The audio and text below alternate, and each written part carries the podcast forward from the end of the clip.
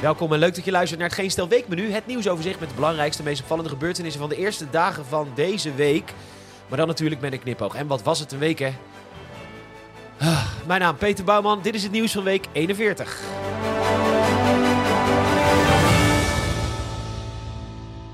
Maandag. Maar natuurlijk beginnen we zoals iedere week met de pluim van de week.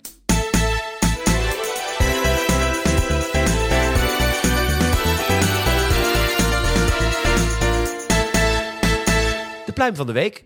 En die gaat deze week naar Femke Halsema, omdat zij in tegenstelling tot de mythe in Den Haag, Utrecht en Rotterdam gewoon een Israëlische vlag uit solidariteit ophing op het stadhuis. En hé, hey, laten we eerlijk zijn, die symboolpolitiek van het vlaggen kan me helemaal gestolen worden. Als ik met een man hand in hand over een Gebra-pad loop, word ik in Amsterdam nog steeds in elkaar geslagen. Dus wat wil je er nou eigenlijk mee zeggen?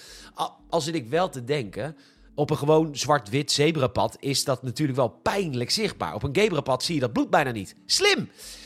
Maar goed, dat hele vlag. Ik zou zeggen, doe de Nederlandse vlag half stok. Maar ja, dat kunnen ze niet meer doen. Nee, nee, je kan niet eerst de vlag van Oekraïne, Nieuw-Zeeland, Turkije, Polen, Sri Lanka, Spanje, Frankrijk, Engeland, Oostenrijk en de LHGBTIUHD4K OLED-vlag ophangen als er iets in de gemeenschappen gebeurt. En dit is niet verzonnen, hè? Al die vlaggen hebben allemaal op de Rotterdamse stadhuis gehangen. Ja, symboolpolitiek. Maar als je dat dan doet, dan moet je nu ook de Israëlische vlag ophangen. En als je dat er nu niet doet, omdat je bang bent voor maatschappelijke onrust, dan ben je een slappe zak. Dus de pluim van de week gaat deze week naar de burgemeester van Amsterdam, Femke Hal- Wat?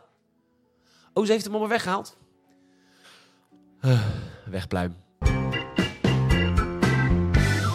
Dinsdag. Dit is toch wel bijzonder nieuws hoor. Bij het Centraal Bureau voor de Statistiek. Energieverbruik per inwoner Nederland terug op het niveau van 1970. 1970! Toen keken mensen op televisie bij de buren, omdat ze er zelf geen een hadden. Het was net niet zwart-wit meer.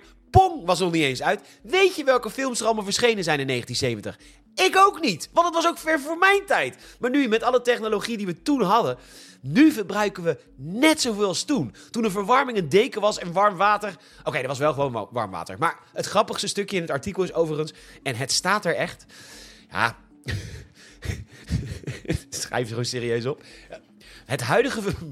Nou, ik krijg mijn bek niet uit. Het huidige verbruik per inwoner is nog wel 11 keer hoger dan in het jaar 1800. Ja, van die tijd kunnen we inderdaad nog heel veel leren. Ja, natuurlijk was toen ook niet alles perfect. Nee, Napoleon slachtte de Oostenrijkers af. Maar dat deed hij niet met vervuilende tanks en straaljagers. No, no, no, no, zei Napoleon. Ik ga groen en ik pak gewoon het paard. Kaap de Goede Hoop in Zuid-Afrika werd van Nederland afgepakt door de Engelsen. Maar die kozen wel voor zeilschepen, hè? En ja, natuurlijk werd Tsaar Paul I van Rusland vermoord.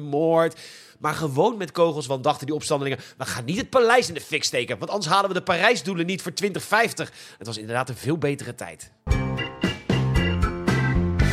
Ja, toch even over de oorlog. Eh, de Volkskrant heeft de oplossing. En dan met name columnist Marcia Luiten. Voor langdurige vrede is een andere taal nodig. Die van het hart. Hmm, ja. Oh, ik krijg nou trouwens ook de eerste berichten binnen dat Paw is opgeroepen om te helpen in Gaza. Chase heeft beloofd zijn drone niet te bewapenen. Marshall is eerst hulp aan het verleden. En Rubble is al begonnen met de wederopbouw.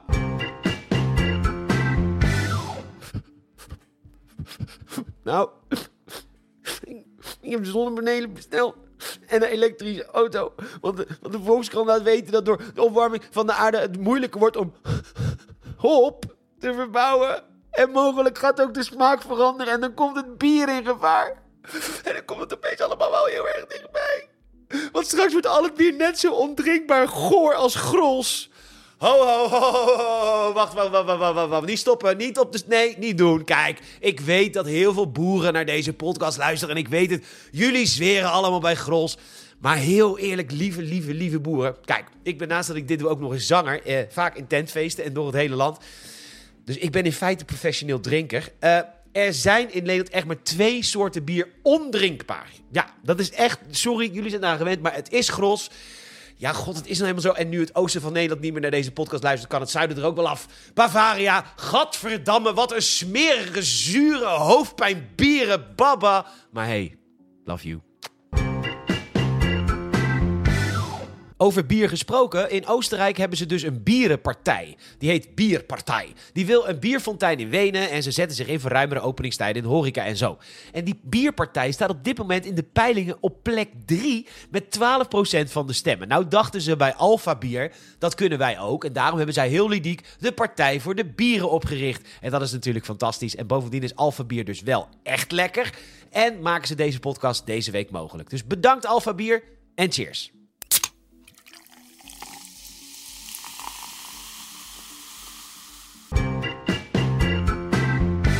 Dan is het alweer tijd voor de poll. Vorige week vroeg ik wat lekkerder is. Een frikandel of een... Nou ja. Hè? Da... Dat is gek. Nou, ik geloof... Nou ja. Jullie hebben het allemaal goed. Hartstikke leuk. Dan de vraag van deze week. Ooit in vroege dagen, maar eigenlijk niet zo lang geleden, was ons staatshoofd, de koning, verantwoordelijk voor de verkenning bij een kabinetsformatie. Dat ging eigenlijk altijd heel goed, maar toen vond de Kamer opeens dat ze het zelf moesten gaan regelen. Nou, en als de Kamer iets zelf gaat regelen, dan weet je het wel, functie elders. Dus nu heeft de Raad van State dit onderzocht en zij vinden dat iemand met een vaste functie, met gepaste afstand tot de politiek, het altijd moet doen. Wie, al dus de Raad van State, zou deze functie op zich moeten nemen? Je kunt het antwoord invullen in de poll onder deze aflevering in Spotify. Dankjewel. Waarom heel veel mensen absoluut geen Nexit, maar toch wel graag wat minder EU willen, is omdat de EU nu Elon Musk wil laten ingrijpen op X om geen schokkende beelden vanuit Hamas te tonen, al dus Politico. Ja, sorry EU, dat heet censuur plegen. En het belet normale mensen en journalisten te zien wat voor verschrikkingen daar allemaal gebeurd zijn. Als je het niet wil zien, dan kijk je niet, maar dit soort kleinzerige censuur zorgt er in de toekomst alleen maar voor dat het draagvlak voor de Unie alleen maar afneemt. En terecht. Ach, wat leuk, wat ludiek. Een interview in het Algemeen Dagblad met foodfluencer Leroy. En mensen die zelf foodfluencer noemen en mensen die Leroy heten, zijn eigenlijk altijd charlatans. Al moet gezegd worden dat hij er wel voor gestudeerd heeft. En dat is wel echt een unicum voor een foodfluencer. Studie voeding en diëtiek. En waar de Pabo de Mickey Mouse opleiding is, is voeding en diëtiek de Minnie Mouse opleiding. Voor de Pabo moet je drie akkoorden kennen. Voor zijn opleiding moet je weten dat je beter een appel kunt eten dan een zak chips. En kijk, weet je, als je de Pabo gaat doen, dan doe je dat om een nieuwe generatie op te leiden en weerloos te maken. Als je diëtiek als opleiding doet, dan wil je vooral beleren. Je wordt in feite opgeleid tot een professionele questlezer. Zou je dat wel doen? Elk pondje gaat door het mondje, hè? Ja, ook zo gezellig op feestjes. Nee, dit jaar geen bitterballen, jongens. Ik heb gekozen voor stukjes rabarber met crème fraîche.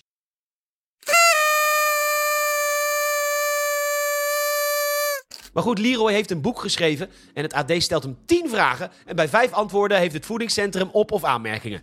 Toch maar een abonnementje op de quest nemen, Leroy. Blijf het een raar woord vinden, gijzelaar. Waarom is een gijzelaar iemand die gegijzeld wordt en niet de gijzelnemer? Ik bedoel, een metselaar metselt toch ook. En een metselaar is toch niet de persoon die kijkt naar hoe hij... Weet je, het klopt niet helemaal, maar ik begrijp er niks van. Wat ik ook heel slecht snap, waar ik eigenlijk niks van begrijp, is dat als je naar de Laplace gaat, dat er nooit anti-slip strips op de dienbladen liggen. Snap ik ook niet. Even tussendoor. Uh, geen stijl is een klein bedrijf. En niet een enorme door staatssteun gefinancierde moloch. En dat heeft absoluut nadelen, maar ook voordelen. We kennen elkaar bijzonder goed in de redactie en we gunnen elkaar alle succes. En dat pakken we ook allemaal af en toe. Soms is het Tom Staal met een vette video, soms is het Cortez met een prachtige cartoon. Soms is het Thomas en ik met rants en liedjes op TikTok. Maar deze week was het onze schrijvende redactie. Geen stijl OG. Zaterdag lag de Telegraaf lekker te slapen. De NOS was alleen op sportvelden te vinden. En de Nederlandse kranten in Belgische handen, de meeste, hadden er geen zin in. Eigenlijk was de enige redactie die er klaar voor zat voor de walgelijke gebeurtenissen in Israël nu.nl. Maar ja, die schrijven alleen maar over wat echte journalisten uitzoeken. En dus heeft onze redactie het maar gedaan. En dat heeft ons belachelijk veel bezoekers opgeleverd. Feitelijk nieuws brengen, zonder filters, kort op het nieuws. En ik ben daar fucking trots op. Maar het laat ook zien dat we nodig zijn. En daar kun jij bij helpen. Door te doneren via doneer.geenstijl.nl of door Geenstel Premium lid te worden via premium.geenstijl.nl. Daar krijg je helemaal niks voor terug, behalve dat wij ons werk kunnen doen. Dankjewel. Er is een vader die heeft een veiligheidsprotocol afgesproken met zijn dochter. Bij onraad bel je de politie, je activeert de Safe Now app, zodat vader direct weet waar ze is. Je activeert je, activeert je alarmsleutelhanger waar 130 decibel uitkomt. En bij echte nood gebruik je de zojuist aangeschafte pepperspray. Je zou zeggen, dit is een vader in Kabul. Maar nee, dit is het gevolg van de fatbike-bende in regio Haarlem. Een veiligheidsprotocol met je kind in Haarlem zijn ze natuurlijk nog druk bezig om al die boos op te leiden tot het opschrijven van een naam en stewards op te leiden tot het kijken uit ogen. Gelukkig weet een gezins- en relatiecoach, oh, ben ik altijd zo'n fan van, wel een oplossing.